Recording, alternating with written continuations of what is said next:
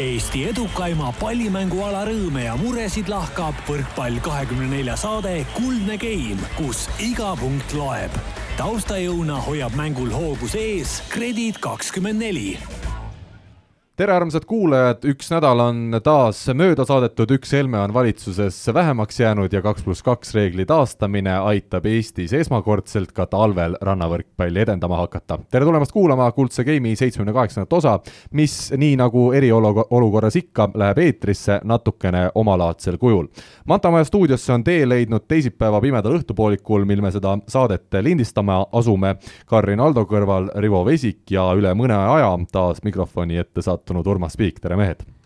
tervist! tervitused! Äh, olgu kohe nii palju öeldud kuul-, kuulajatele, et tänane saade keskendub suures osas kuulajate ehk siis teie endi küsimustele. sekka oleme saanud mõned küsimused ka Tartu Bigbanki meeskonnast, nii nagu eelmises saates välja reklaamisime, ning Rene Teppan ja Andres Toobal ei ole mitte kuhugi kadunud, vaid nii nagu võrkpallisõbrad teavad, nemad on hetkel siis eneseisolatsioonis ja liituvad meiega umbes täpselt siis saate teises pooles, kui Urmas on leidnud juba tee Tallinna Ülikooli trenni poole. Urmas miks te seda trenni üldse teete? mina tean, teie Tallinna Ülikooli peatreener Argo Arak on isegi mulle öelnud, et mida vähem sa ikkagi kõrges, soliidses eas trenni teed, seda paremas vormis sa oled.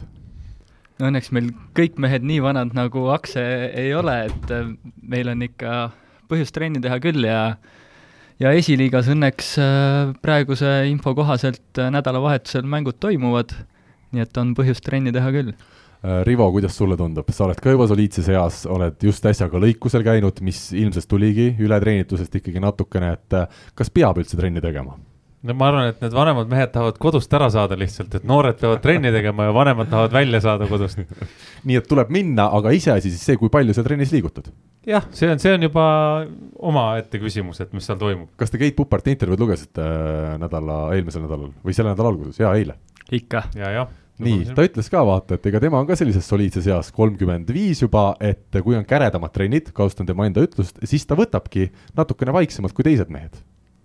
õige, no eks ta teab, kuidas ja mis on aga mul on natuke kahtlus, et kas Urmas, sina oled ikkagi trennis alati võtnud natukene vaiksemalt, et äh, ma olen kuulnud ka rannavõrkpallitrenne, mis sina ja Sander Steinberg suvel tegite, et ega sellised rasked trennid, kus ikkagi hakkabki südamel natukene paha ja, ja natuke pulss tõuseb, et ega need ei olnud päris teie trennid?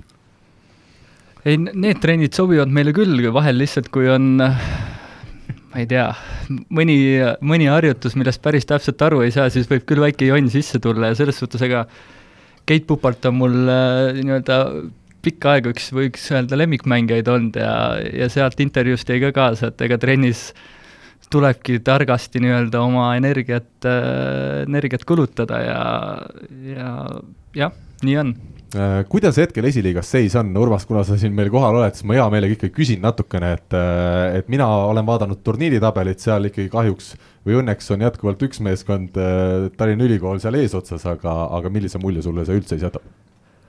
jah, tabelis oleme eesotsas, aga tegelikult on kolm meeskonda, kes see hooaeg äh, kaotanud ei ole, et äh, samamoodi meile siis Viljandi ja Neemeko pole kaotuskibedust tundnud, et väga põnev on, ma väga loodan, et see hooaeg, hooaeg läheb ikka edasi ja sellel nädalavahetusel tegelikult on juba esimesed niisugused põnevad mängud ka tulemas, et äh, Rakverel on eriti, eriti põnev nädalavahetus, et laupäeval mängivad meiega kodus ja, ja pühapäeval on siis äh, Viljandis äh, kohaliku meeskonnaga mõõduvõtt, et see annab võib-olla parema, parema aimduse ka, et mis seisus siis see Viljandi, Viljandi ikkagi on, et äh, saab kindlasti väga põnev mäng olema.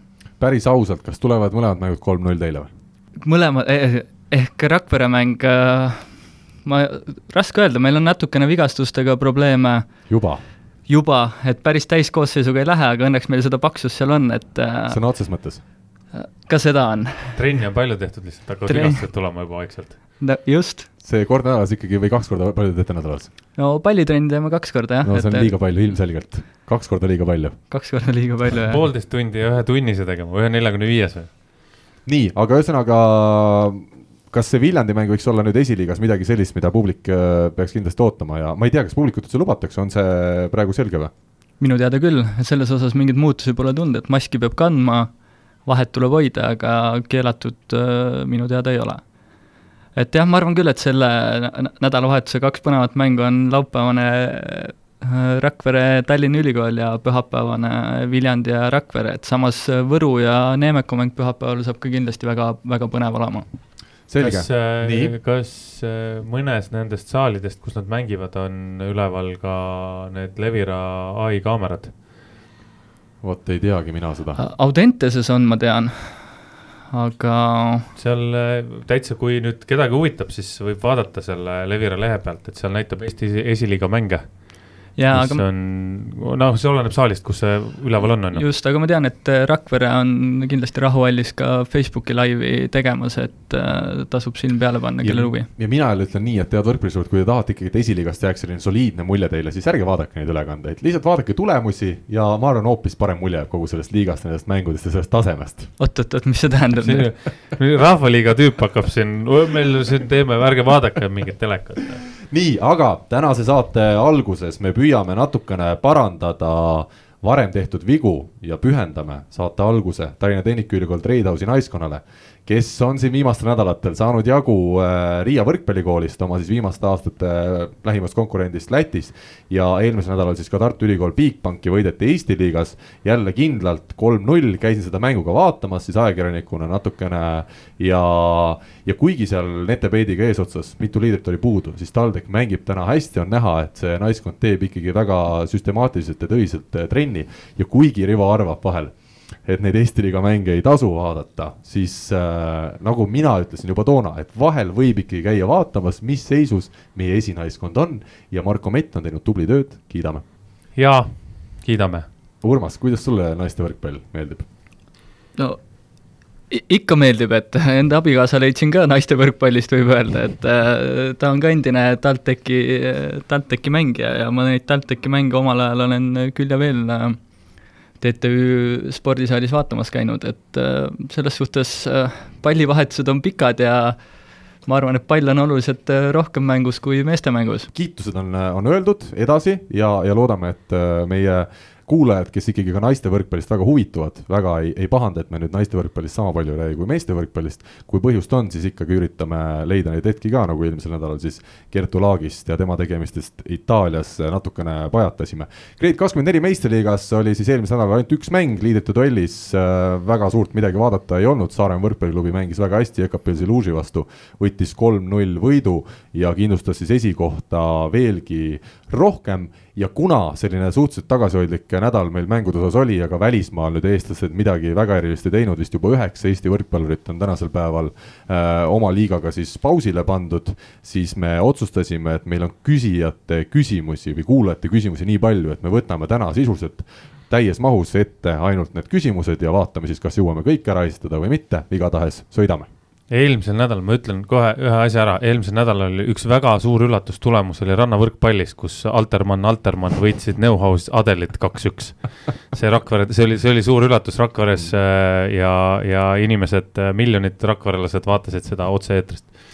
miljonid, kus äh,, keda sina Rakvereseks pead, kõiki inimesi, kes kõik, kes Rakveres, sipelgad, kassid, kõik, kõik, kõik. isegi loomad, loomad, linnud kõik, kes on seal piiris mm. -hmm. selge, ma ja, jah, ja sinna tegelikult ma, kas see oli äkki eelmine nädala lõpp või, või oli juba üle-eelmine nädal, kus äh, Lõhmus Liine võitsib t- Tiisar Verrat, et see oli väga, väga põnev, põnev mäng ja jälgisin isegi Facebooki vahendusel.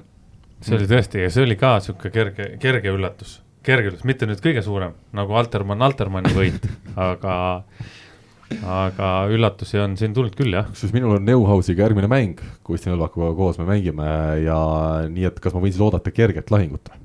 no ma arvan, et nad lähevad paremaks ainult, ma arvan, et eh, lihtsalt minu vastu on kõik, näevad head välja. oma linna poisid seal teadsid kindlasti nõrku kohti, mida kuhu teha, et sa saad vaata järelvaatamist saad järgi vaadata. ei, meil on, ja, ja meil on statistika ja videoanalüüs on juba tehtud. on, väga hea, no siis, siis peaks olema lihtne. Ja seda küll. nii, aitab küll ja läheme siis kuulajate küsimuste juurde. jaa, meil siin metsas teavad kõik, et kõik see parem on ikka Eestimaal. aga ega see tähenda, et vahepeal muud maailma ei tohiks käia avastamas. karumets hoiab metsas asjad korras, et meie võrkpallisaadikud võiksid rahus käia meid esindamas laias ilmas nii, ja esimene küsimus küsib äh, meil kuulaja Pärnust eesnimega Asko. ma ei tea, kas sul Rivo on juba, on sul silmapiiril, kes võib olla kuulaja Asko Pärnust, on sul variante, no on palju kindlasti neid variante. jah, jah, Asko Paade võib, võib-olla isegi. on Tartust Pärnusse kolinud vahepeal. jah, võimalik. aga kuulaja siis Asko, kelle võib-olla perekonnanimi on Esna neid esasidki on päris palju, äh, iseasi, palju neid Askosid seal äh, eesnimega on ja tema siis küsib järgnevat asja, et kuna täna, teisipäeval, mil me seda saadet lindistame, tuli välja uudis, et hakkab, hakkab jälle kaks pluss kaks reegel siis avalikes kohtades äh, kehtima, siis tema uuris, et kas enam kolmest plokki ei tohi võrkpallist panna. see on väga, kusjuures väga hea küsimus. ma ütlen, rannas me reeglina ei panegi kolmest plokki. jah, see on, see on tõesti hea küsimus, et äh, peaks täitsa saatma siis äh, pädevamatele inimestele. Eh, ehk siis, kes on kõige pädevamad inimesed, mitte kindlasti mitte teadlased ja, ja arstid, vaid ikkagi poliitikute käest peaks küsima, et nemad teavad täpselt, millal keelata ja millal mida teha. ja Helme võib öelda siiamaani, Mart, ma arvan, olgugi, et enam minister ei ole. jah, noh sealt saab abi. teda ei tasu kiusata, et tal on niikuinii raske olnud siin viimasel ajal, kõik kiusavad, et aga okay., aga võiks tõesti küsida mõne targema inimese käest, mina isiklikult jään siinkohal vastuse võlgu. mina sain sellest reeglist täna aru üldse nii, et eh, nüüd ei tohi üksi poes ka käia, et kindlasti peab minema kahekesi. kindlasti peab minema kahekesi, sest muidu kui üksi lähed, siis on jama. no imelik tundub ja, ja siis pead hoidma kogu aeg igal pool kahte meetrit vahet. muidu jäävad eestlased, muidu jäävad eestlased viis meetrit vahet, nüüd peab kaks meetrit hoidma. kõikide teistega, jah, läheb raskemaks jälle elu. selle kolmese plokiga tuli meelde üks seik, kuidas äh, minu endine äh, rannavallepaarile Rein Tiiser on äh, rannavõrkpallist kahesesse plokki rünnanud, et äh, on juhtunud ka siukseid asju. tervitused, Rein. sa mõtlesid, et ta on kolmese ploki suutnud teha. kusjuures me Reinuga käime ka rannavallet trenni tegemas ja ta just ütles eelmine kord, et talle on hakanud meeldima meie saade rohkem nüüd, kui on küsimused ka kuulatud, et nüüd ta sai kohe ka teada, et alati need küsimused ei pruugi talle isiklikus plaanis elus kasuks tulla aga võtame järgmise küsimuse ja see on nüüd Asko Pärnust isa küsib küsib, siis noh, neid Askosid taaskord, no vot mis aastal võeti võrkpallis kasutusele antenn ja vot nüüd mina küsin teie käest, see on mälumängu küsimus, mina sain selle vastuse Mati Koorepilt, tervitame teda siinkohal, Eesti legendaarseim võrkpallikohtunik. sain teada teda eraldi, otsis välja oma paberitest, aga mis teie arvate, millal antenn võeti kasutusele? oli see enne muistsõla ajal? oli see teise maailmasõja ajal võib-olla? antenn äh, nagu siis üldse ametlikult või? noh või, või keegi lihtsalt seal midagi proovib no,? pigem ametlikult, et see, kui äh... mõni sinu esiisa kuskil midagi tegi, et seda me ei pane nagu ametlikult üldiselt kirja, sedasi ajalooraamatutesse. ma pakuks viiekümnendatel kuskil. viiekümnendatel, nii, Urmas, mida sina pakud, kas sa pakud samamööda? No ma tean vastust. sa tead või? ma tean. aa, sa lugesid läbi selle enne selle? ma olen lugenud seda, jah. ahah, meil oli enne, ma saatsin tegelikult küsimused ka meie saates osalejatele no, ringi. mina ei töötanud läbi, mina ei töötanud läbi asju. vanad kooliasjad äh, maksavad sulle siiani kätte. hea oli vaadata seda Rivo praadimist mõtlemist ei, aga mõnus, selles suhtes väga hea küsimus, et äh, ja. tahaks isegi teada, mina pakuks viiekümnendatel. jätkuvalt viiekümnendatel õige vastus on Urmas. tuhat üheksasada seitsekümmend seitse. ja samal aastal tuli siis kasutusele ka see, et pärast plokipuudet on Niki kolm, äh, kolm puudet veel võimalik mängida. nii et ah, sellised teadmised. seitsekümmend seitse või? ja, ja kusjuures selle küsimusega tuli mul meelde, et äh, Paide Türi Väätsat äh, legendaarne libero Viljo Jüristo rääkis, et äh, kunagi, kui äh, servi külgjooni ei olnud nii-öelda siis sa said äh, servijoone tagant palli õhku visata, jooksid väljaku kõrvalt sinna enam-vähem kolme meetri joone peale ja virutasid sealt äh, korraliku litaka, et kunagi olid reeglid ka nii-öelda nii vabad ja sai, sai loov olla, et siis mingi aeg pandi loomulikult äh, küljejooned ka paika. mingi aeg ju sai servile plokki ka panna. just. kunagi mm, -hmm. isegi kaheksakümnendate kuskil sealkandis. aga antennid pandi siis, mis see point oli? Antenn on piiripikendus põhimõtteliselt no. et siis nagu ei hakatud, noh jah, sa ei saa sinna plokki ka kuidagi, ühesõnaga okei okay.. nii, aga meie vaatame, kas me kuuleme hetkel Andres Toobalit, tere Andres. tere, ma ei tea, kas te kuulete? kuuleme sind, kuuleme sind ja, ja tervitame, meil siin sajab, ilmad on külmad. Andres, kus sa hetkel paikned ja, ja millega tegeled?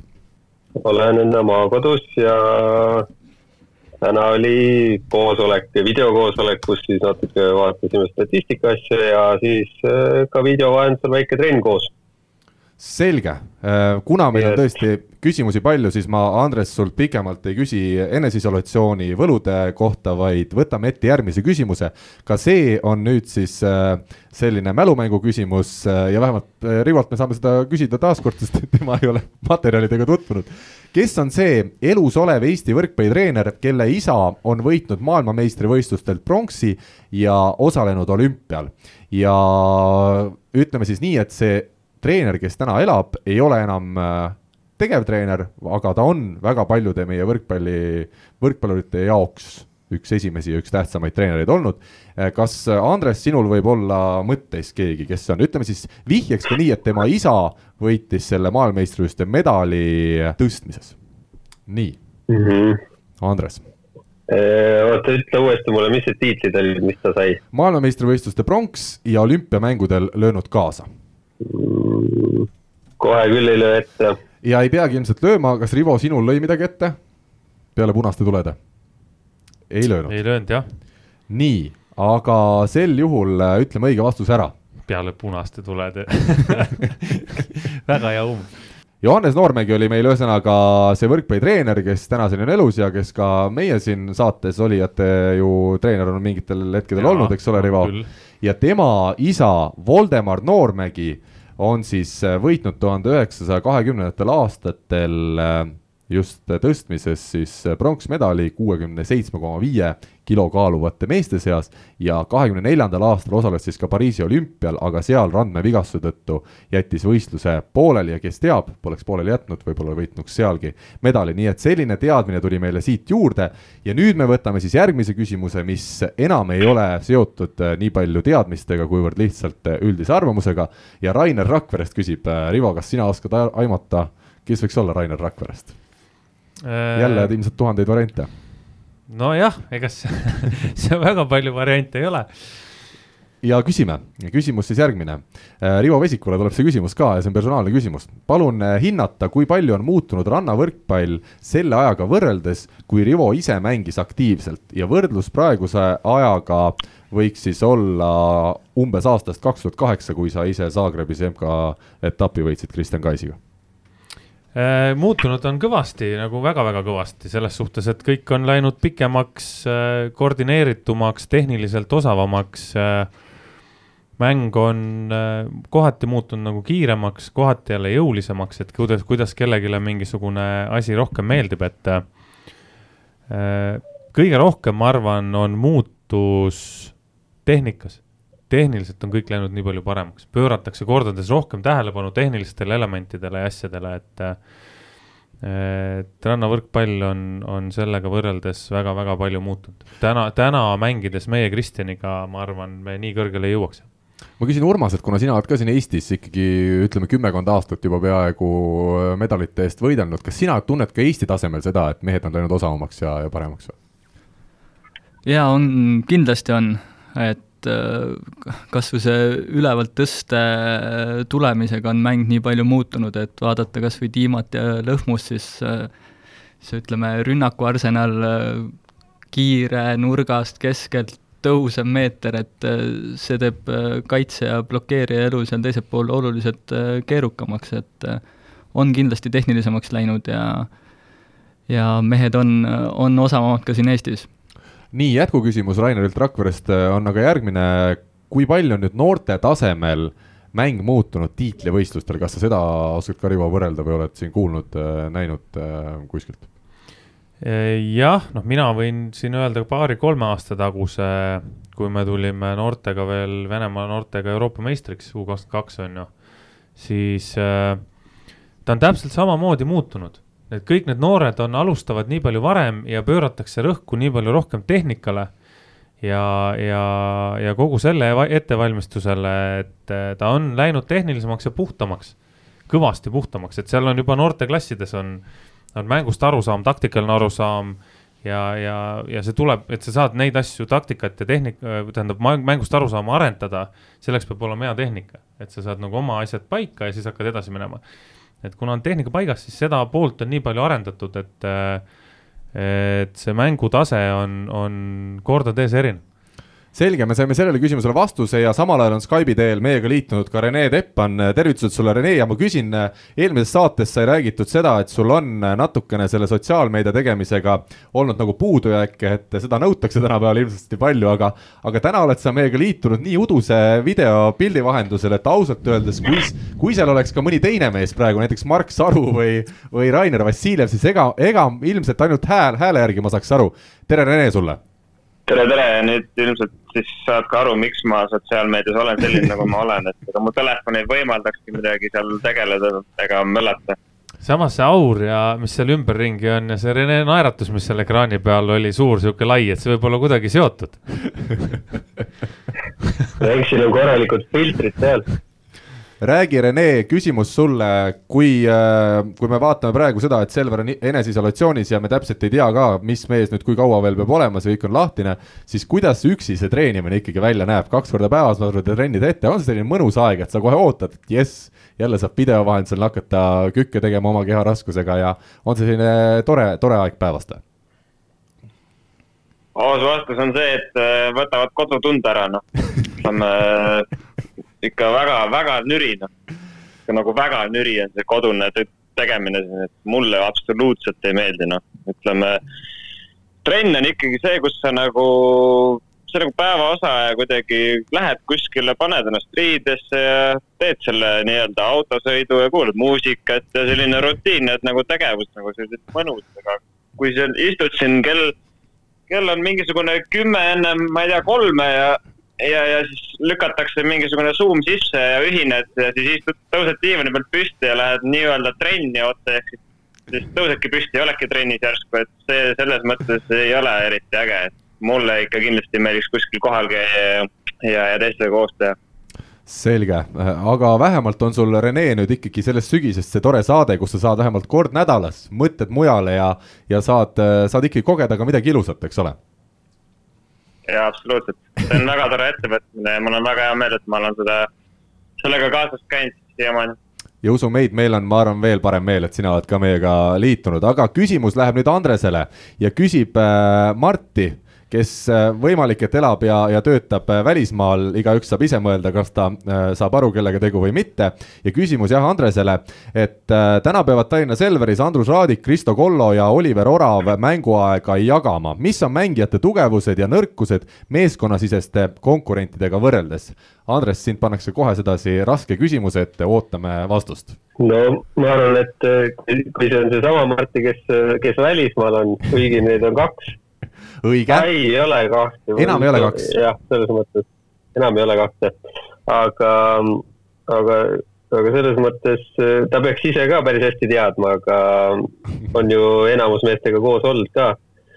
aga ütleme nii, et äh, igal mehel on ju äh, kui ma võtaks Togolo, siis selge on see, et tema on kaitsesuunitud mängija kuulete mind? nüüd kuuleme jälle ja Kristo Kollo on kaitsesuunitlusega mängija oli meile praegu viimane lause, mis me kuulsime.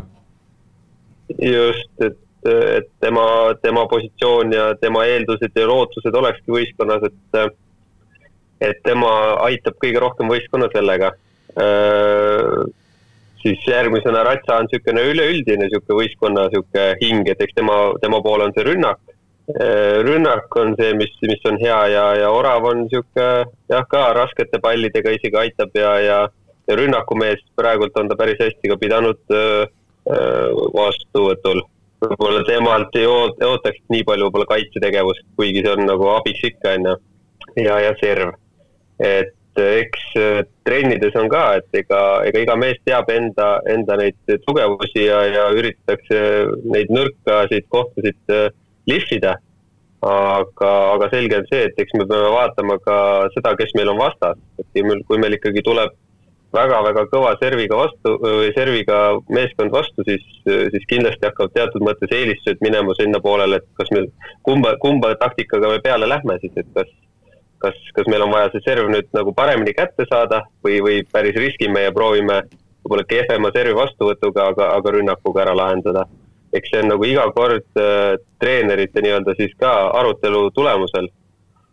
mis nüüd puutub sellesse, et äh, kuidas nagu valida või, või, või siis ähm, äh, kuidas nüüd öelda, et äh, kuidas nad omavahel seal äh, trennis on, et jah, kõige rahulikum tõenäoliselt, kes väga võib-olla ei muretse enda sellise, kas ta nüüd mängus on või ei ole, nagu siin intervjuudestki on aru saada olnud, on, on Raadik.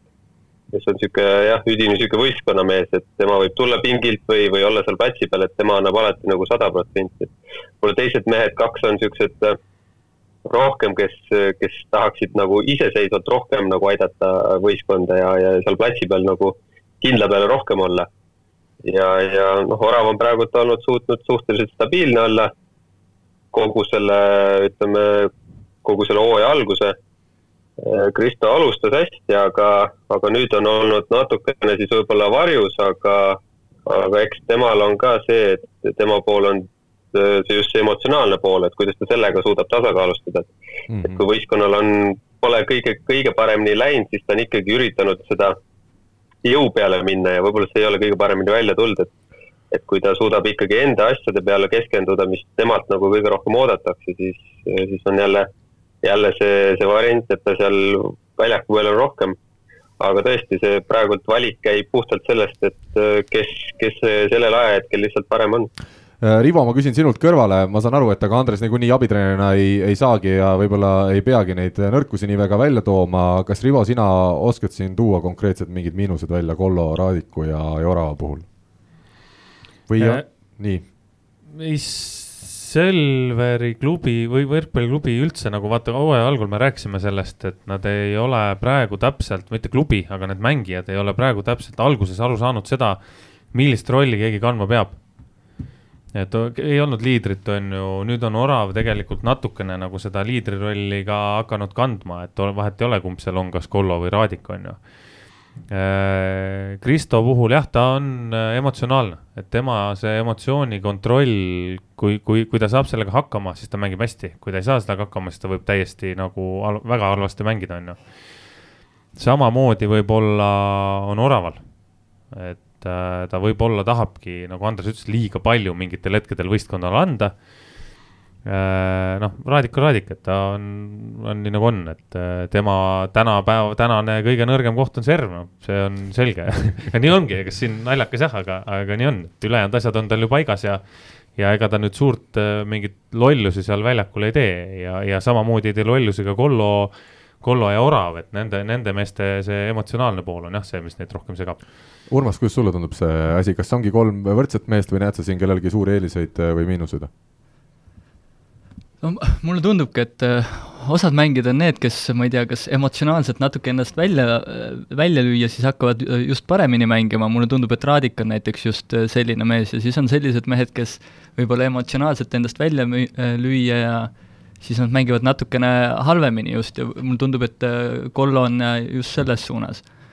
et aga siis, kui ma paar saadet tagasi siin hooaja alguses käisin, siis ma äh, ütlesin ka, et ma arvan, et just äh, Orav hakkab see aasta eriti palju mängida saama, sest mulle tundub, et ta nii Raadiku kui ka Kollo kõrvale väga hästi sobib ja ja siiani on nii läinud ka ja minu arust ta on igas elemendis äh, väga hästi ennast näidanud, et äh, olen, olen Rivoga nõus, et täitsa selle, selle võistkonna liider praegu.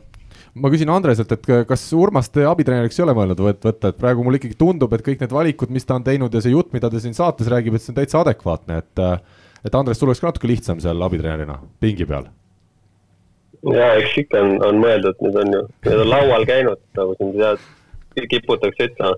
massööri laua peal? ei, ma arvan, et Urm-, jah, massööri laua peal, aga jah, nali naljaks, ei, selles mõttes et Urmasel on, ma arvan, piisavalt muid asju teha, et siin sellega tülitama veel hakata. kusjuures Urmas võtab mu koha ära veel räägi, räägi, Andres. ei, ta ütles, et võtab kohe ära ah., nii, Rivo sulle. et Urmas ütles ühe väga hea asja, et äh, see on ka väga huvitav teema, et on olemas mängijaid, keda sa tahad närvi ajada ja on olemas, keda sa ei taha närvi ajada. just et äh, osad mängijad on sellised, kellega noh, sa peadki teda, ükskõik, mis sa seal tahaks talle teha, aga sa ei tohi seda teha, sest ta hakkab paremini mängima, noh. ja osad on sellised, kellele meelega lähed ütlema seal nokid, nokid, nokid natuke ja kukub ära no,. see on väga-väga huvitav teema, sihuke psühholoogiline värk aga me võtame edasi järgmise küsimuse ja Urmasele saame minna, aitäh sulle, Urmas! tänud teile, edu! ja, ja mine siis trenni ja tervita mehi ja, ja proovi täna, nii nagu me saate alguses rääkisime, võtta rahulikult. teha vähem kui teised, halvemini kui teised. teeme nii, jalka teen täiega ja siis ja, vaatan edasi. suva, siis läheb minema. Davai, tšau. aitäh sulle ja meie läheme oma saatega siin edasi. Marko Õis on küsinud sellise küsimuse, mis on äh, nüüd ainult minu jaoks vist huvitav, et kas Karin Aldo on nõus tulema meie Rahvaliiga mängukohtunikuks ma hakkasin mõtlema selle peale, et kui ikkagi Rahvaliigas ju see vilemees, vile peab kogu aeg suus olema. Rivo, sa oled nõus, minu ainus vähegi tugevus, mis mul üldse elus on, võrkpallialaselt vähemalt, see, et suu jutt käib, et kui see mult ka ära võtta, ma arvan, et siis aga kui sa teeksid selle mängu, kui nad on nagu nõus sellega, et sa teeksid, sa oled kohtunik mm -hmm. ja samas sa nagu kommenteerid, sa saad ju tehtud, on ju, ja nüüd siin ründas mees, keda ma tegelikult täpselt, täpselt ei tea, ründas out'i. Nii nagu mõned kommentaatorid, nad eeltööd ei tee, ütlevadki number viis ründab, number neli võtab ja. vastu, seitseteist no, tõstab. see on kõige lihtsam mm. -hmm. ühesõnaga, mis ma Markole oskan öelda, et äh, ma ei tea isegi neid reegleid ju nii hästi, et, äh, et asjaga nagu toime tulla. Äh, mis nüüd küll oleks tore, et kui ikkagi see kohtuniku vorm muretsetaks, et siis seda võiks täitsa proovida, sest minu arust kohtuniku vormid on lahedad, need valged tossud on näiteks ägedad ja et kui see käib selle töö juurde, et siis võib seda asja arutada. ja need kergelt kubet rõhutavad püksid sa mõtled neid et kui need saab, jaa, Andres? Karl, sul oleks siis ainuke võimalus ise mäng ära teha. Jah, esimest korda ma saaks mängu ise ära teha. Otsustada mängu saatuse. Äh, nii, aga läheme edasi, ühesõnaga Marko, Markole on antud äh, vihjed edasi, kuidas see mõjutusviis käib, et, et ma tuleksin. aga, aga ma arvan, et sellest head nahka ei pruugi saada. Läheme edasi ja järgmine küsimus tuleb Airi Saaremaalt. tere, kõik see pere kui nimetustest keskblokeerija või middle blocker saab ka võrkpalliga mitte nii kursis olev inimene äh, aimu, siis kust või kuidas on tulnud nimetus tempo, mida tähendab ja mida tähendab poolteist plokki? Et kas see on siis kolmekäeline plokk, on äh, kaks küsimust siis ühes. mida tähendab tempo, kas äh, Rivo, sina oled meil ainus temporündaja siin pundis no temporündaja, tempo ilmselt tähendab seda, et, et läheb nagu kiiremini peale kui teised mehed. naistele, aa ei, ei mängus, okei okay,, jah. ja jah, mängus jah, et läheb nagu rünnakule kiiremini peale, esimene tempo ja teine tempo öeldakse on ju, on, ongi, et siis jah. esimene läheb kiiremini, teine tuleb järgi mis see teine küsimuse osa oli? et kas, mida tähendab poolteist plokki, et kas see on kolm, kolm kätt plokis? mida tähendab poolteist plokki, noh, ma ei tea on..., mina, mina ei tea seda, mina ei tea näiteks sellist asja. mina olen seda kasutanud, ma pean tunnistama, see on siis, kui tempomees väga hästi ei jõua, kõikidel kasvõi käed on või jalad on maas, aga kuidagi käed ulatab veel sinna appi. aa, ma ei ole kuulnud sellist asja esimest korda, täitsa ilma naljata kuulan, et seda no. nimetatakse pooleteistkümneks plokiks. no mina nimetan seda. meie treener, meie treener nimetas seda laiskuseks ja fail imiseks Rene, kas sina oled poolteist plokki kuulnud ja, ja oled sa nõus, et selline asi võiks kasutusel olla või pigem ikkagi, kas on üks plokk või ei ole või on, või on kaks plokki ja seal sellist vahepealset asja ei ole olemas? no ma olen siis eh, uue generatsiooni vend nii-öelda, uue maa. et minu jaoks see poolteist plokk on jah, ikkagi väga teema nii-öelda, et seda on kasutatud minu aegade algusest vist peale, et, et seda ta tähendab jah, et kui, kui keskmine blokeerija, ütleme, päris korrektselt ei jõua nii, nii nagu võiks või peaks, sõltuvalt siis kas sidemängija tegi midagi hästi või, või mis iganes, et, et, et jah, ütleme selline poolest plokki ikkagi on see, et, et pigem üritab seal midagi natukene susida, aga päris korrektne ei ole, et, et see on näiteks see koht, kus ütleme, nurgad ja nurgaründajad, diagonaalid peaks nagu üldjuhul oma rünnaku ära lahendama selge, aga võtame edasi järgmise küsimuse ja nüüd meil tuleb plokk siis Tartu Bigbankist, nii nagu eelmises saates sai välja lubatud, et me oleme järjestini igas siis teises saates võtmas ka meeskondade küsimusi ja Tartu Bigbanki peatreener Alar Rikberg esitab meile kohe esiteks väga huvitava küsimuse. Kas Eesti meeste ehk siis Grade kakskümmend neli meistriliiga tasemel mängivatele klubidele oleks mõistlik kehtestada välismängijate piirang, mida see juurde annaks või ära võtaks ja milline oleks mõttekas välismängijate piirarv? see on nüüd küll teema, mida ma ei tea, kui palju seda Eesti võrkpallis üldse arutatud on, aga välismaal on ta küll ju igal pool päris aktuaalne suurtes liigades. anname esmalt sõna Renele, kuna sina oled meil ka seal välismaal suurtes klubides mänginud ja võib-olla oled selle teemaga rohkem kokku puutunud. no võtame näiteks võrdluseks Poola, kus, kus ma arvan, ainult äh, Poola mängijatega teha liiga, siis nad oleks ilmselgelt maailma kõige tugevam liiga, see on, see on mu väide ja ma arvan, et ma ei pane mööda mm. -hmm et äh, nemad äh, kindlasti peavad panema mingi piiri sinna ette, sest muidu paratamatult nii mõnigi oma hea mängumees jääb teenimatult nagu varju. aga, aga kui tulla Eesti juurde, noh, ütleme siin tänasel päeval on natuke olukord teine, kui, kui ta siin oli kasvõi eelmine aasta, kus, kus ülisuur hulk, ütleme, mängijaid äh, oli, oli nagu ära kakskümmend või noh, täieb puusalt pakkunud, aga umbes kakskümmend meest, ma arvan, oli kuskil mööda Euroopat laiali. noh, et äh, siis äh, paratamatult me ei ole nii suur rahvus ja võrkpall ei ole ikkagi nii suur spordiala Eestis, kus, kus ei jätaks nagu oma jälge, et äh, selle valguses kindlasti nagu ei tuleks kõne alla, et me hakkame siin mingeid piiranguid ka veel ette panema, et äh, tuues võrdluseks enda noorte aja ja, ja praeguse noorte aja, ütleme seal meistriliiga nii-öelda satsides, siis noh, ütleme, mina ikkagi kaheksateistaastaselt või seitsmeteist, kaheksateist aastaselt pidin ikka jube palju kurja vaeva nägema, et üldse kuskile pingi otsa peale saada, tänapäeval needsamad noored on seal vaata, et teine kuuik seal trennis sul vastas, et äh, ajad mingis mõttes on muutunud, mingis mõttes kindlasti sellepärast, et on palju mindud välja ja on mängijate nii-öelda puudus mingil määral, aga, aga jaa, Eestis kindlasti hetkel ma ei näe, et see oleks mingisugune teema üldse, et, et pigem ei mina ütleksin nii, et äh, nii kaua, kui ei teki seda probleemi, et äh, võistkond äh, tuginekski täielikult legionäridele, nii nagu me oleme näinud siin kasvõi Inglise liigas mingitel hetkedel tippvõistkondades või ma mäletan ka mingist ajast Saksamaa korvpalli kõrgliigas, et nii kaua, kui meil sellist probleemi ei teki, ma arvan, et see küsimus vist ei ole väga aktuaalne, et täna jah, Saaremaal meil on küll põhikoosseisus suurem osa välismaalasi, aga samas sa võta Indrek Pulk sealt ära ja võta liberot sealt ära, ma arvan, et see meeskond oleks ikkagi oluliselt kehvem, et äh, tuleme, Andres, sinu juurde konkreetselt lühidalt äh,, kuidas sulle see, see, see mõte tundub, kas, kas ja kui palju neid äh,, neid mängijaid äh,, välismängijaid võiks olla, kui see piirang kehtestataks? ma arvan, et see piirang peaks tekkima alles siis, kui tõesti enam Eestis ei oleks eriti klubisid, kuhu neid noori minna, et selge see, et praegu okei okay,, Saaremaal on natuke rohkem, aga, aga sellega nad hoiavad kindlasti nagu seda üldist taset nagu kõrgemal. Ja, ja, ja ma ei näe küll põhjust, et siin peaks hakkama midagi väga keelama, et, et tõesti siis, kui ainult sellisel juhul, kui meil mingid äh, väga korralikud noored ei leiaks endale mingit rakendust äh, selles liigas, et alles, alles sellisel, et, et ma ise olen ka olnud siukses, kaks korda siukses võistkonnas, kus, äh, kus ühel korra Prantsusmaal, kus ma ei tea, põhikoosseisus ma ei teagi, kas oli ühtegi, üht, üks prantslane vist oli, aga tal oli ka veel mingi muu kodakondsus ja, ja, ja Belgias oli ka kaks meest vist oli tavaliselt äh, nii-öelda siis äh, kohalikud, kes üldse nagu põhikoosseisus oli, et et ma tean, et seal ka arutati seda teemat, aga leiti samamoodi, et äh, kuigi, kuigi äh, nende rahvaarv on nii palju suurem, siis nad arvasid sama, et nende tase siis kukub nii palju alla. et, äh, et kui hakata piiranguid peale panema, et, et parem parem need üksikud noored äh, rabelevad siis kõvasti ja saavad, äh, saavad äh, üks-kaks meest või kolm meest sinna nagu punti, mitte see, et meil nagu, nagu, nagu Rene ütles, et enam ei tekiks motivatsiooni, et väga lihtsalt saadakse sinna juba nii-öelda teise kuuikusse ennast sisse ja, ja võib-olla ei, ei tekigi seda väga suurt võitlust nii-öelda päris tipp-tippu niimoodi ja mis veel mulle tuli siin seda Andres juttu ka kuulates meelde, et kui me võrdleme kasvõi Eesti võrkpalliklubisid korvpalliklubidega, siis me oleme ikkagi võrkpallis selles suhtes väga meeldivas eelisseisus, et vaadates meie võrkpalliklubisid äh, Tallinna Selveris äh, üks legionär, temagi hetkel varumees, Tartu Bigbankis mitte ühtegi legionäri.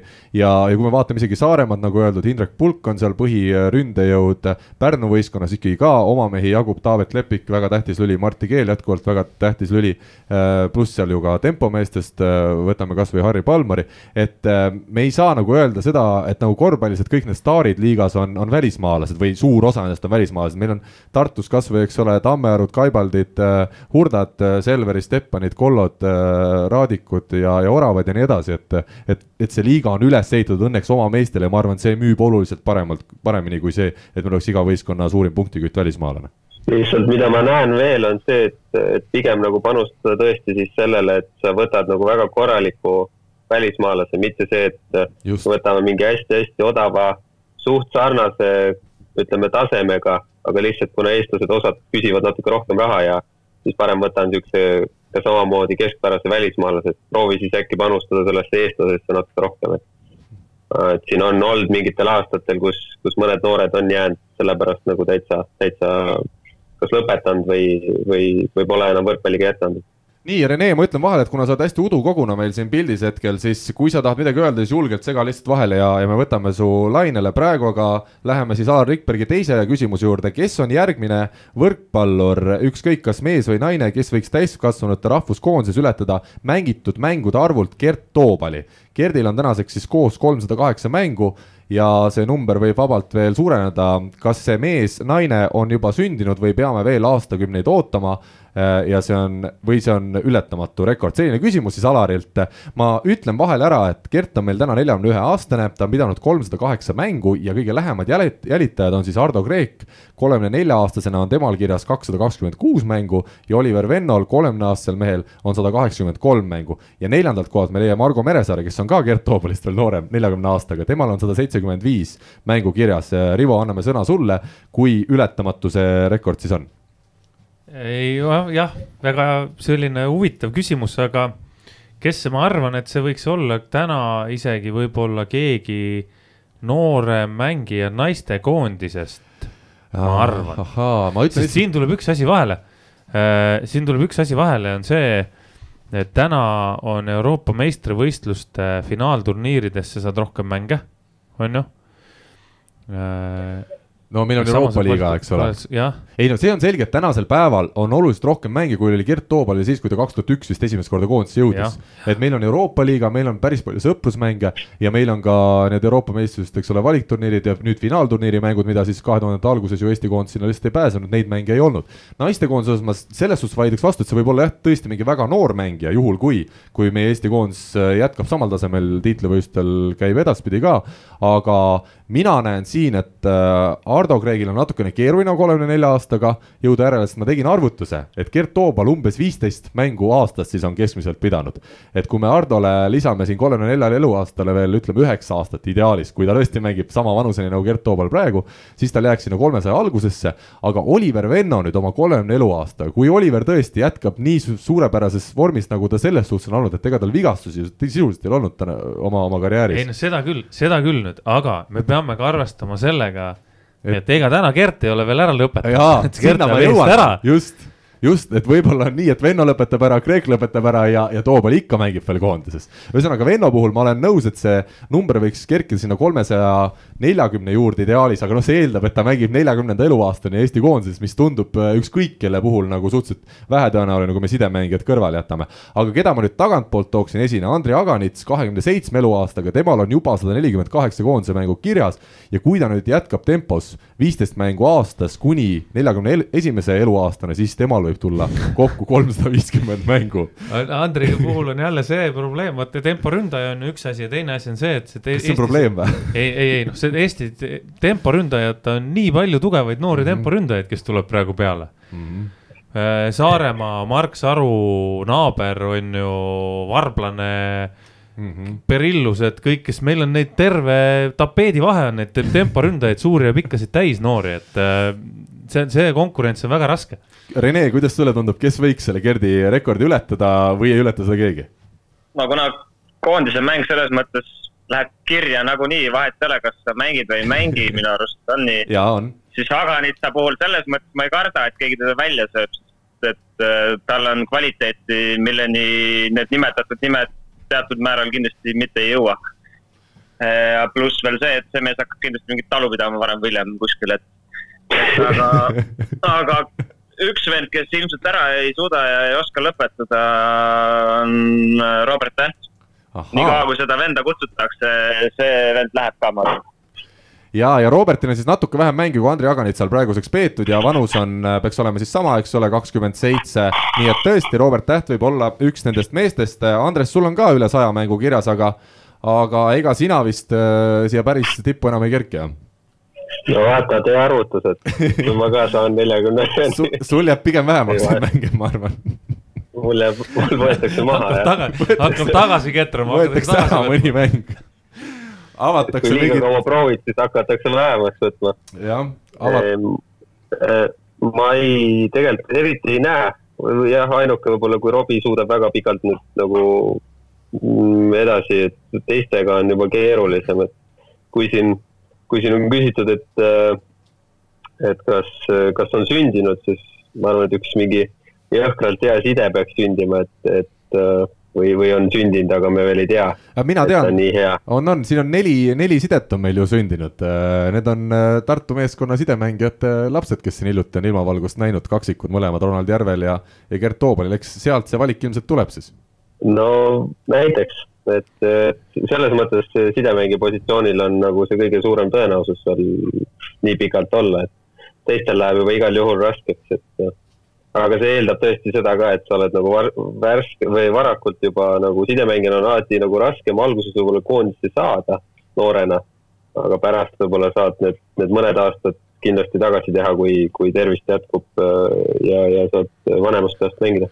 Nii, aga läheme edasi. aga hetkel, hetkel ei näe küll igatahes seda, et keegi selle üle lööks. Äh, olen jah, kokkuvõttes nõus, et ikkagi Gert on äh, niivõrd müstiline mees olnud Eesti võrkpallis, et seda kolmesadat kaheksat mängu, mis tal siis hetkel kirjas on ja ilmselt see loodetavasti järgmisel aastal veel ju täieneb, äh, et siis seda on väga keeruline lähiajal kellelgi üle lüüa. aga järgmine küsimus on natukene lähtuv sellest eelmisest, see tuleb nüüd ühelt Tartu noormängijalt, meil nimesid isegi ei saadetud, vaid öelda lihtsalt, et noormängijad saatsid ka küsimusi ja küsimus järgmine, kas Gert Toobal ja Rait Rikberg hakkavad tulevikus treeneriametit pidama? Ja millised treenerid nad teie arust oleksid ja millise klubi juures töötada võiksid. Rene, sina oled mõlema mehega koondises pikki aegu äh, koos töötanud, äh, ole hea, ütle, millised treenerid siis neist tuleksid ja, ja on see selline reaalne variant?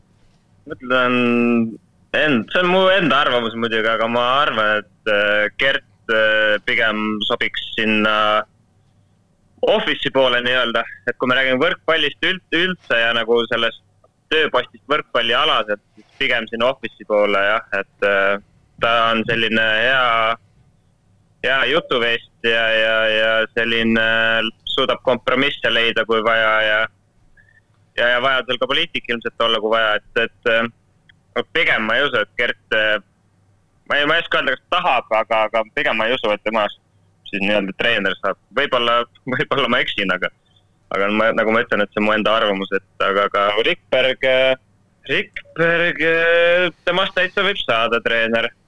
nüüd on jälle küsimus sellest, kas, kas teda huvitab see professionaalsel tasemel, see tegemine, et venna kõrvalt ta nüüd näeb päris hästi, kui haritud on L läbi selle, et ta on igal pool välismaal igasugu asju teinud ja näinud ja kõrval olnud, et, et kas, kas sealt tekib mingisugune kartus tal hoopis võib-olla või mingi motivatsioonilangus, et asi ei olegi nii lihtne. Et, et aga võib-olla ta on üldse selline noorte nii-öelda treeneri tüüp, et neid on meil ka kindlasti väga-väga vaja siia Eestisse, et sellist uuemat äh, verd ja värki peale saada, et et aga inimtüübid niisugused oleks, noh, mina Rikbergi all ilmselt mängida ei suudaks, see on suht selge oh,. nii võtakski kokku selle. väga, Andres, kas sina suudaksid? Ei, ei usu, ei usu. selles mõttes, et muidugi ei tea, vaata kunagi, kui ta sellisesse positsioonis, sellises positsioonis oleks, et kas ta, kas ta on sama, samasugune, nagu ta on seal platsi peal, et seda me ei tea.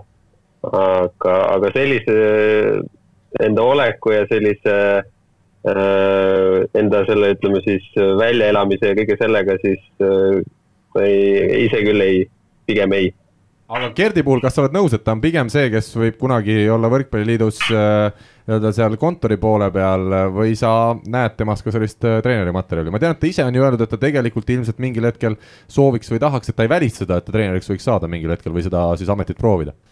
Ja ma ei, ma ei välistaks seda, aga, aga kindlasti on see, et äh, ma arvan, vii-, neli-viis aastat tagasi, kui võib-olla hakkasid esimesed jutud pihta, et kui ta nii vana juba ja mis edasi saab ja nii edasi, siis, äh, siis, siis ma tean, et ta mingi hetk nagu täitsa rääkis rohkem sellest, et ja aga, aga hetkeseisuga lähen täitsa Renega te, nagu samasse lainesse, et, et ta on selline hea hea jutuga ja, ja sihuke hea, hea kuulaja, samas oskab võib-olla õigel ajal olla poliitiliselt korrektne ka ja, ja päris hästi asju ajada, et, et pigem selle, selle asja eda, edasivedajaks, mitte võib-olla isegi võrkpalliõpetaja, õpetama väga hea ja Rivo, lühidalt sinu käest, kui oleks variant, et äh, pakutakse sama palju, sest me teame, et raha järgi ikkagi me otsustame siin kõik neid äh, lepinguid ja, ja see peaks nüüd temposse minema äh,, ühte võistkonda ja, ja valik on siis kas Rait Rikbergi. Gert Toobal.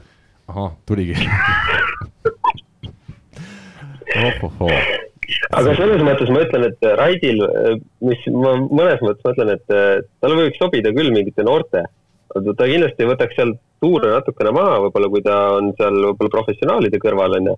aga ta on sihuke ülienergiline ja suudab nagu hästi sihuke hea olla ka, et, et ma arvan, et võib-olla siukseid noori ärgitada üles oleks võib-olla väga hea mina olen täiesti nõus sellega ja et, et Rait just noortetreenerina, sest seal on vaja sellist energilist tüüpi, kellele, kes läheb nagu trenni ise ka põleb ja, ja ma usun, et Rait ei oskaks võib-olla väga olla selline tuim inimene, kes teeb lihtsalt seda kui tunnitööd ja, ja vaatab, millal juba koju saab, et jääme siis selle juurde ja läheme edasi järgmise küsimusega. üks asi veel, üks asi veel, ma ütlen vahele, me kunagi ei tea seda, mis äh,, vaata praegult on see, et me tunneme teda kuna mängijana, aga ütleme siin võib-olla viie-kuue aasta pärast on sellised mängijad, kes enam Rait Rikbergi üldse ei tea või, või kümne aasta pärast mm, -hmm. milline ta mängijana oli, siis võib-olla need inimesed vaatavad tema poole hoopis teistmoodi, et äh, me seda kunagi ei tea.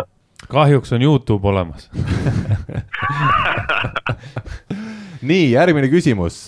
kas peaks treenima eraldi ka mängijate vaimset poolt, et suudetaks tähtsatel hetkedel vastu pidada või piisab ainult kogemustest?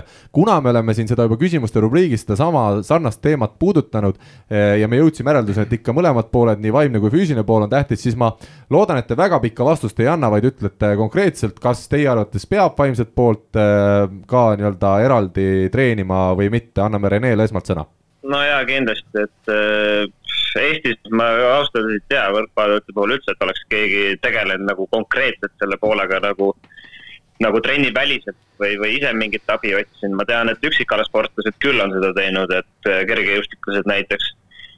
Äh, samas Poolas ma tean, on väga tooreid näiteid, kus, kus on näha, et mängija on füüsiliselt ulmevõimas ja andekas, eh, samas vaimselt jääb puudu ja, ja needsamad tegelased on otsinud abi, ei ole seda häbenenud teha ja, ja ütleme, seda protsessi sealt kõrvalt oli päris, päris äge nagu vaadata, et kahe aastaga mees lihtsalt oli maailma tipus nii vaimselt kui füüsiliselt ja, ja sajad tuhanded lendavad vasakule-paremale tänaseks päevaks, kõik see on ajalugu, maailma tipp valmis korras. Rivo, sulle sama küsimus kindlasti peab ja mina ise olen äh, täitsa kohe tegelenud sellega ja abi otsinud ja nii edasi, nii edasi, nii edasi, nii et me teeme seda venelastega samamoodi. Teil on konkreetselt siis psühholoogid või sellised abilised olemas või keda te? meil ei ole, nad käivad, nad käivad meil mingi aja tagant jah meil, meil otseselt kaasas igal pool ei ole, aga nad äh, käivad laagrites. kas see, on ainult teema, mis puudutab praegu mängijaid või on ka treeneritele?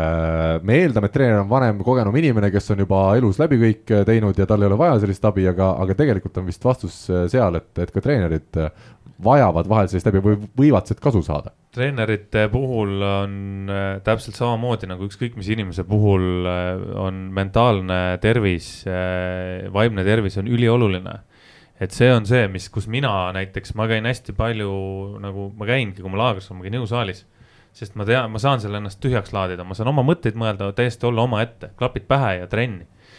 ja, ja me oleme ise ka rääkinud nende psühholoogidega ja mitte nüüd nagunii, on ju, aga me oleme suhelnud nendega ja ja meil on selles suhtes nagu venelastega on üsna otsekohene ja aus üksteisesse suhtumine, et kui näha on, et kellelgi on midagi raske või hakkab väsima, siis küsitakse, et kuidas, kas on mm, -hmm. tahad homme võtta pool päeva vabaks, tõmba ennast nagu nulli ära ja siis hakkame otsast peale. ja see on ülitähtis ja see on igal, igal alal on see ülitähtis, et sa pead suutma seda balansseerida. kas väike pudel miskit äh, käib ka asja juurde Venemaa koondises. ma just tahtsin öelda, et treenerid käivad ikkagi, kui on vaimselt probleeme, siis lähevad kõrtsu aga mängijad? mängijad ei lähe. teevad toas samu asju? mängijad ilmselt teevad kuskil salaja, jah see on eluaeg niimoodi olnud, te naerate, see on eluaeg niimoodi olnud. no mõistuse piires mina olen ikkagi aru saanud, peab kõike tegema elus. jah, ma arvan ka, et elu on elamiseks päeva lõpuks, et ka spordi kõrvalt on see elu elamiseks, et nii, aga nüüd äh, Tartu siis ploki lõpetuseks äh, on meil järgmine küsimus. Äh, nimetage igaüks üks noor mängija, kellele te ennustate suurt tulevikku ja põhjendage, miks. vot selline väga raske küsimus. Andres, sina oskad siit kohe kedagi välja tuua, tahad sa kohe kedagi välja tuua? ma ei hakka siin Selveri poole pealt, võtan siis nagu eemalt, siis me kaks meest kindlasti ja võib-olla isegi natuke rohkem Märt Tammearu.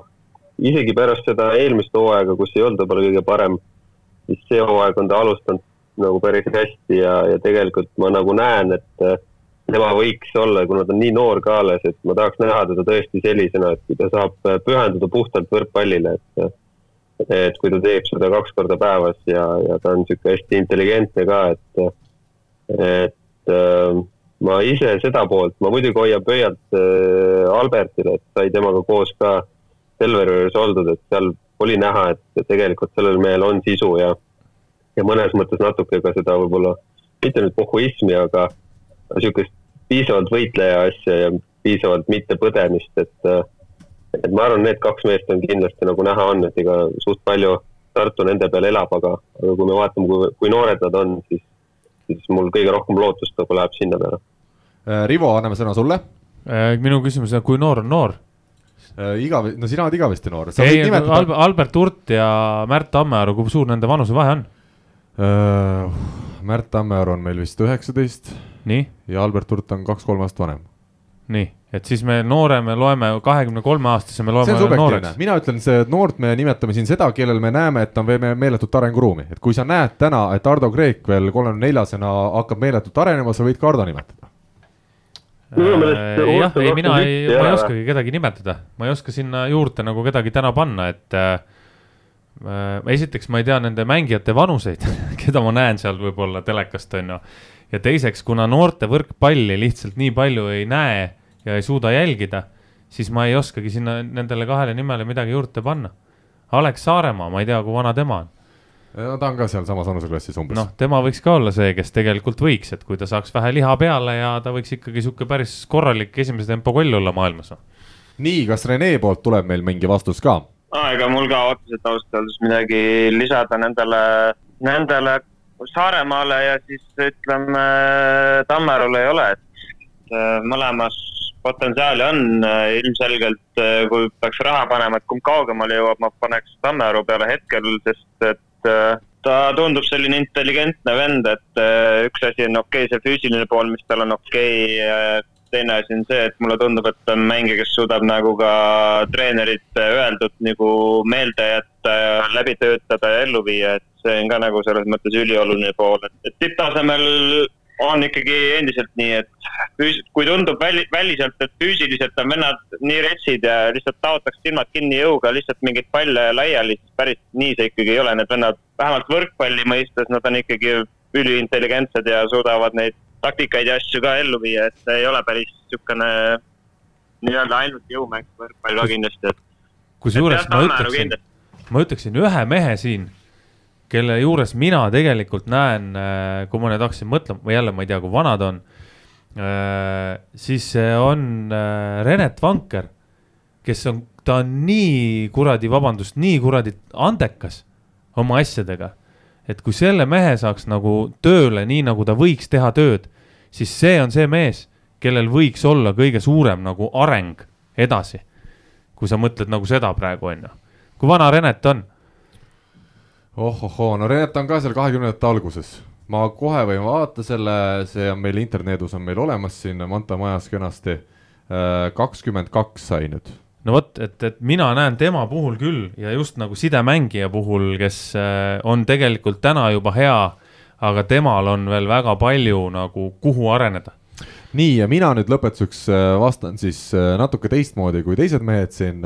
tegin suvel äh, intervjuu selliste meestega nagu Konrad Jaani ja Mattias Meresaar, nii et mitmenda generatsiooni võrkpallurid, noored poisid väga entusiastlikult rannavõrkpalli mängisid, mängivad ka saali, ma tean, nii et mina hoian neile pöialt ja ja ma usun ja loodan, et nimedest Jaani ja Meresaar me veel ikkagi võrkpalliväljakutel tulevikus kindlasti kuuleme, edu neile poistele siinkohal. ja mitte veteranide turniiril. ei, ei, ei, ei, ei, ei, ei, nii, läheme edasi. Martin Kukk on meile Pärnumaalt saatnud mitu küsimust ja ma võtan esimese nendest siin ette esitan siis saate jaoks ka kohe küsimuse ära, see siis rohkem Renele ja Andresele mängijana ja miks mitte Rivole treenerina. kui laual on kaks-kolm rahaliselt täpselt samaväärset pakkumist, mis saab otsuse puhul määravaks, kas see, et sind võetakse põhimeheks, meeskonnakaaslased, treenerid, liigatase, millist võrkpallimeeskond taktikaliselt harrastab või hoopis asukoht, et oleks ka vabal ajal midagi teha? Või hoopis midagi muud ja kui lihtne ja aeganõudev on ühest meeskonnast teise minnes sisse sulandumine. ma jällegi, kuna me oleme seda saates mitu korda tegelikult juba puudutanud, siis küsimus, ma loodan, et te suudate suhteliselt konkreetselt vastata, mina olen aru saanud, et ikkagi kõik loeb kokkuvõttes, siin ei ole ühte konkreetset asja, et näed, vaatan ainult raha või ainult meeskonnakaaslaste põhjal, on, on Rene nii? no põhimõtteliselt jah, ütleme meil eetri ajaks läks otsa, kui ma hakkaks siin ükshaaval lahkama neid asju, aga suures plaanis see sõltub kõik sellest, ka ikkagi suurel määral, mis staadiumis sa oma karjääris oled, kas sa oled noor, kas ja su, sa peaksid nagu keskenduma rohkem sellele tasemele ja sellele rollile, mis sul seal võistkonnas on või, või oled sa kolmkümmend, ütleme pluss ja sa oled välismaal juba nii palju tiksunud, et äh, ainus asi, mis sind veel motiveerib seal tiksuma nii-öelda on see, on see raha, et, et äh, see jah, ütleme sellist ühtset vastust sellel kindlasti ei ole, aga ma arvan, üli, ülitähtsat rolli võiks või peaks mängima see faas, millises faasis sa nagu oma karjääri mõttes oled parasjagu jah äh, nõus, läheme edasi, võtame Martini järgmise küsimuse. Äh, kas teie arvates on see okei okay,, et meistriliiga mänge vilistavad sama linna kohtunikud, kus mäng toimub, nagu Saaremaal keel ja nii edasi? Äh, toob siin näite, et Tiiga TalTechile liiga viimases mängus, äh, kui vilistas ilmselge outpalli sisse, kuigi piirikohtunik oli out'i näidanud, näidanud. Eestis ei tohiks ju need vahemaad väga pikad olla, et saata teisi kohtunikke vilistama või on see ka teiste riikide tippliigades samamoodi, päris huvitav oleks teie arvamust teada. see on pff, äh, mina olen alati öelnud, et kohtunik äh, ja tema tase on vastav liigale ja, ja küsimus, et kas, kas peaks nüüd eemalt hakkama tooma, mulle tundub see ausalt öeldes jabur, sest ma, mulle kuidagi tundub, et Eesti kohtunikud reeglina ikkagi pigem vilistavad omade vastu kui omade kasuks. kusjuures ma olen sellega nõus äh,. ideaalmaailmas ta võiks olla nii, et sul ei ole oma linna mingit kohtunikke, aga samas on ju igal juhul on piirikohtunikud on niikuinii Saaremaalt või Pärnust või kohalikud, eks ju, saavad ka täpselt samamoodi mängu, mängukäiku sekkuda Äh, ja mina olen täpselt sama asja täheldanud, et kui mängivad lätlased ja eestlased, Lät-, Läti, ütleme äh,, Esermežerdu kuskilt Lätist on ju ja Pärnu ja Pärnu mees on kohtunik, siis kuidagi see Pärnu jääb rohkem hammaste vahele kui Esermežerdu kui Esermežerdu on, ütleme, neil on vaba päev, nad on seal Lätis, teevad Conora pausi ja siis on kaks meeskonda Eestist omavahel, kas siis on seda märgata või? Ei ole nii palju, ma arvan, ei ole, ma, need, need, need siuksed sellised situatsioonid, kus kus, kui tonti otsida, siis leiab igalt poolt, et äh, ei ole nii palju märgata küll. mina ütleks ka samamoodi, et nii nagu me näeme olukordi, kus siis nii-öelda need selle linna omad vilistavad omade kasuks, nii palju me näeme ka tegelikult olukordi, kus nad vilistavad teiste kasuks ja hoopis need omad ütlevad, et kuule, et sa oled meie linna mees, et miks sa nii vilistad. Andres ja Rene, väga lühidalt taas sõna teile, kas probleem esineb, peab sellega midagi ette võtma või teie probleemi ei näe? Ma ei, otseselt ei näe, näe probleemi selles et äh, ma arvan, et eks kohtunikud teevad oma vigu sisse nagunii ja kas ta nüüd oli sealtsamast linnast või mitte, et äh, ma nii suurt probleemi ei, ei näe sellest, et kui seal läheks nagu äh, kellegi, kui keegi oleks niimoodi kogu aeg ja järjepidevalt midagi teinud, küll siis nagu oleks midagi muudetud, aga kui need on siuksed üksikud korrad, siis tõenäoliselt. jah, seal võib olla sihuke eetiline sihuke, keegi vaatab, aga siis jäävad lihtsalt silma ka need siuksed eksimused ja, ja võib-olla need äh, Saaremaa näiteks kahjuks, oleks ta vilistanud või mis ta vilistas võib-olla Saaremaa kahjuks ka, need ei jää nii, nii eredalt meelde ma nii ei oska kommenteerida küll. ja ma julgen küll öelda, et Eesti on oma olemuselt ikkagi reeglina on selline, kes neid jah, väga seda sisse ei lase, et meil, äh, kui me vaatame kas itta kuskile või Lõuna-Euroopasse, et siis sellist äh, noh, omadele ära vilistamist, no meil ei ole nagu ligilähedastki sellist probleemi, et ma, ma pigem hindaksin, et Eesti kohtunikud on küll ikkagi väga sõltumatud ja teevad oma tööd selles suhtes kahtlemata hästi. Läheme edasi, kuna aeg pressib peale. Äh, ja Martini siis viimane küsimus, hea küll, proovime korra veel küsida siis midagi uut. kui korraldaksite võitsite neljakesi Rannakuninga turniiri, mis siis tähendab seda, et kõik mängivad kaks kahe vastu omavahel läbi äh,, ainult et erinevate paarilistega, siis äh, nii, vahepeale meil tuli kõne sisse, aga see käib asja juurde, kui me telefoni teel seda saadet teeme teiste meestega Skype'is. loodetavasti Andres ja Rivo, Andres ja Rene on jätkuvalt meiega, siis äh, jätkates küsimust, äh, Karl, mis sa arvad, kellega koos mängides sa võidu suudaksid võtta ja miks ning kellega koos ei näeks võimalustki võita teisi? no see on nüüd küll Rivo siin muigab kõvasti. no ma ütleks nii, et no kui me Renega koos mängime, noh, seal hea, kui Rivo ja Andres üldse mõne punkti saavad, sest noh, mõlemad tulevad oma selliste vigastatud jalgadega sinna kohale ja ja no hea, kui nad jah, sinna üldse rannas nii seal, sinna väljakulegi jõuaksid, et äh, Rene, kas sa oled nõus, et, et mina ja sina ikkagi täna Andresele ja ja Rivole teeksime uut ja vana? tead, eh, sorry, Rivo, aga tead, mulle see rannavõrkpall üldse ei istu, noh. ma lähen nii närviselt kogu aeg selle liiva peale, noh, kogu aeg läheb põlvest läbi, noh. ma ei ole aastaid enam rannavõrkpalli nagu kuskil võistlustel ega midagi mänginud, et no tõesti, no ei ole seda, saan aru, et see on harjumuse asi ja kõik nii edasi, aga ma kuidagi jah, võib-olla on seda vaba aega ka nii vähe olnud, et eh, siis, siis ma selles mõttes olen see, kes suudab ennast välja lülitada, et ma pigem ei taha ühtegi palli näha, võib-olla on asi ka selles mingil määral, aga aga, aga ma isegi ei imestaks, kui ma sellel turniiril viimaseks jääks ausalt öeldes. jah, ühesõnaga see käib siis jutt sel juhul, kui Andres täna oleks äh, terve mees ja, ja Rivo ka oleks juba hästi taastunud. Rivo, kuidas sulle tundub, äh, kellega kõige rohkem võite võtaks ja nii edasi? kui nüüd Rene juttu uskuda, siis äh, kellega mina kõige rohkem võitan, ma võtaks kõigiga võite, mul ei ole vahet, minul ei ole suurt vahet kui ma sinu vastu mängin, siis oleneb sellest, äh, kumb servima hakkab, et palju sa punkte saad, kas ühe või null nii, Andres, mis sina arvad sellest teemast? jah, ei, ma ükspäev küll tegin trennis täitsa, näitasin, kuidas kaitses meestel tuleb olla, aga, aga kui ma väga palju liigutama ei pea, siis ma saan midagi üle ka, aga, aga väga võib-olla ei, ei jookseks, nii et ma oleks kindlasti, kindlasti, kui siin Renks ütles, et ta on halb, siis ma hetkel oleks, ma arvan, halvem.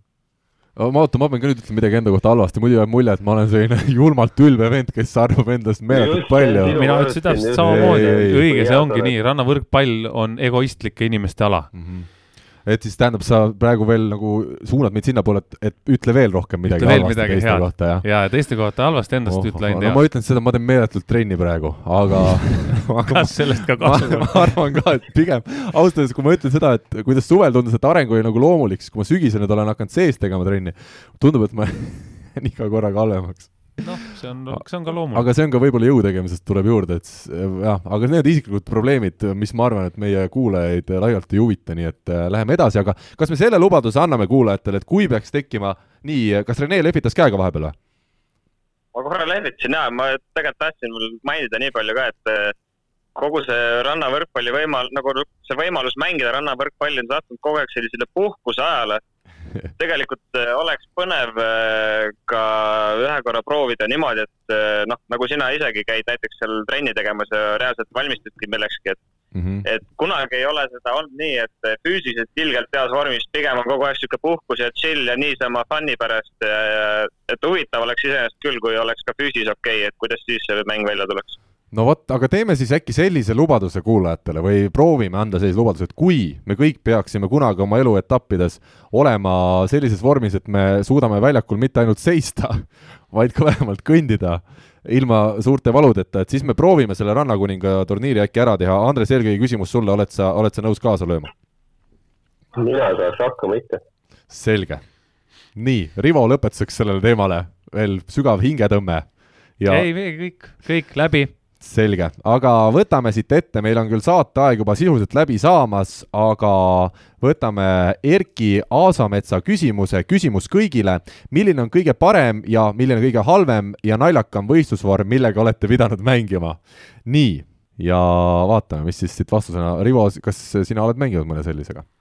Äh, jah, ma olen mänginud, äh, kuna kunagi oli selline põnev reegel äh, rannavõrkpallis, et püksid ei tohi olla madalamal kui vist mingi kolmkümmend senti sellest põlve, mis ta siis on, kedrast või, ülespoole. jumala mõistlik, sest tegu on lühikeste pükstega, pane siis pikad püksid juba. ja ei, no mis seal oli, situatsioon oli selline, et eh, koht, ma sain trahvi sada dollarit, kuna mul olid püksid liiga pikad, siis ma võtsin arsti kohvrist käärid, lõikasin sääred ära toorelt niimoodi sikasakiliselt.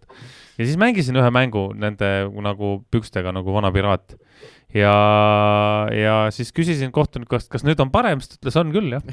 tegelikult ei olnud, et äh, mul on üks, üks lugu rääkida veel sellest, kus Kristjan Kais sai liiga väikese särgi, niimoodi, et tema kui suure rinnalihasega mees sai turniiril nagu liiga väikese särgi, ta ütles, tema ei mängi sellega, tooge uus. Öeldi, et ei ole, et kõik äh, normaalsed L-suurused on maha müüdud, et sa pead S-iga mängima, ta keeldus ja mis sai? keelduski, ütles, ma ei mängi, tooge mulle uus särk, mind ei huvita. ja siis leiti kuskilt mingi uus särk talle nagu võistlussärk. ja kolmas lugu oli Sten Esnaga seotud, kui ta läks esimest korda Prantsusmaale mängima ja, ja talle anti siis võistlusvorm, ta valge vorm oli temal, valged püksid ja väidetavalt oli lugu selline, et äh, ta oli harjunud sellega, et Eestis olid kõik, mis püksid, mis olid antud, olid need, kus olid aluspüksid sees, vaata sellised.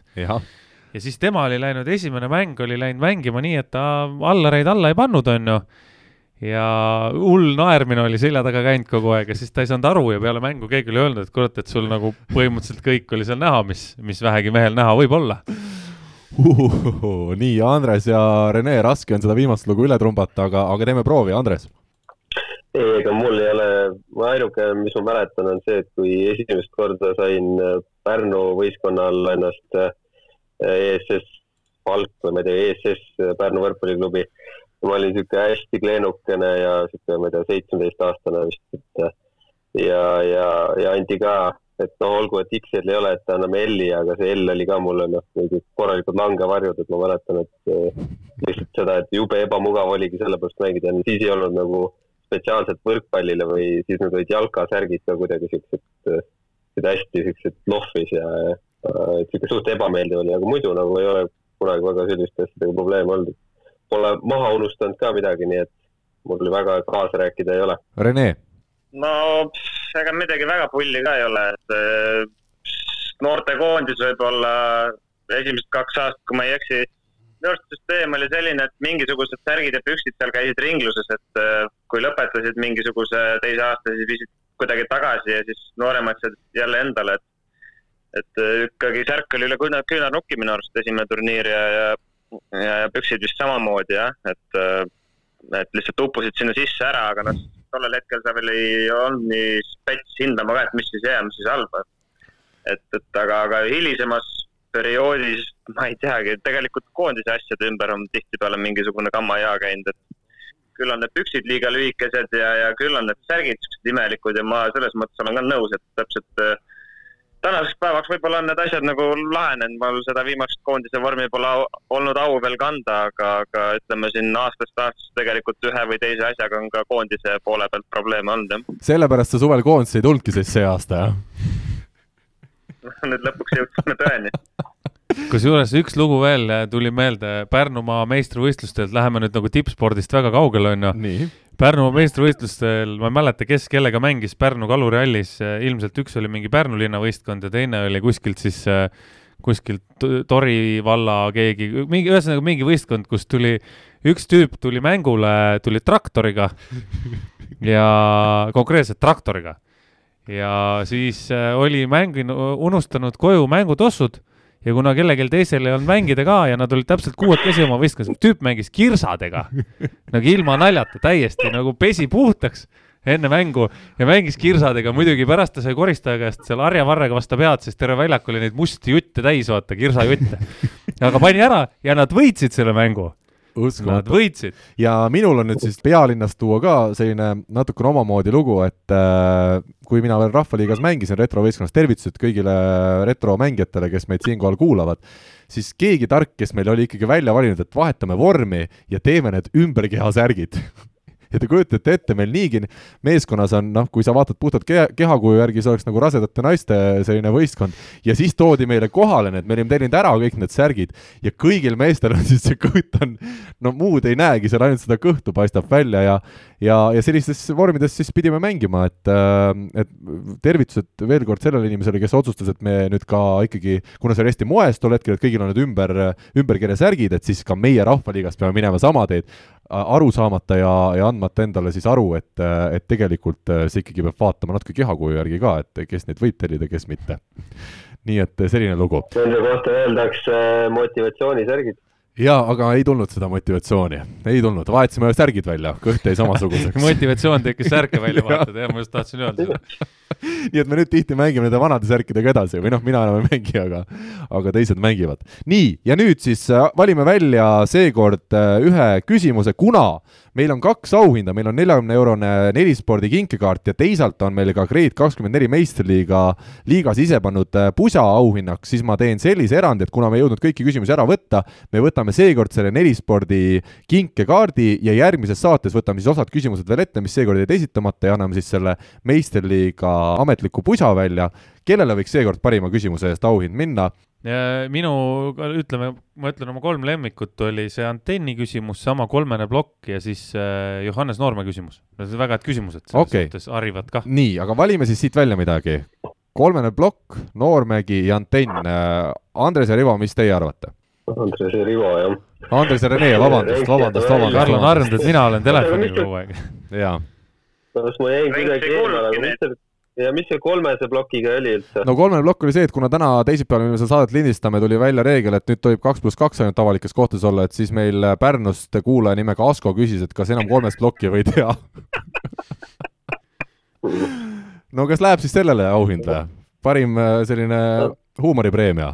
no, ja võib küll, jah nii et tervitame Askot, kelle perekonnanime osas meil pole õrna aimugi ja soovime talle õnne, neljakümne eurone kinkekaart siis Nelispordist on sinu, Nelisport pakub meile väga palju erinevaid eh, spordirõivaid ja ka vaba aja näiteks jalatseid, nii et ma usun, et Asko leiab omale väärt, eh, väärt eh, asja sealt ja kuulajatele, mis me oskame öelda, kui loodame, et võrkpall ikkagi mängida saab veel, kas või ilma publikuta, aga, aga et meil see meelisala siin jätkuks nii kaua, kui võimalik on ja, ja Rivo, lõpusõnad annan taas hea meelega sulle. olge siis ikkagi jääge terveks ja, ja kohtume järgmisel nädalal. mul väga suurt ei ole siia tarka midagi otsa ei öelda, et äh, väga tore, et me saame jätkata seda saadet, ükskõik mis formaadis me seda jätkame praegu. Loodan, et äh, Rene ja Andres on järgmine nädal jälle siin äh, meiega stuudios koos ja ja teie siis kirjutage ja tehke sporti ja, ja saatke küsimusi ja kuulake saadet. olge tublid, nägemist! tšau! Eesti kõige põnevamad podcastid on Delfis, kuula tasku.delfi.ee. Mikk-Mikk. ega edu pole jänes, mis seest ära jookseb, ärid on edukad Hammerheadi majades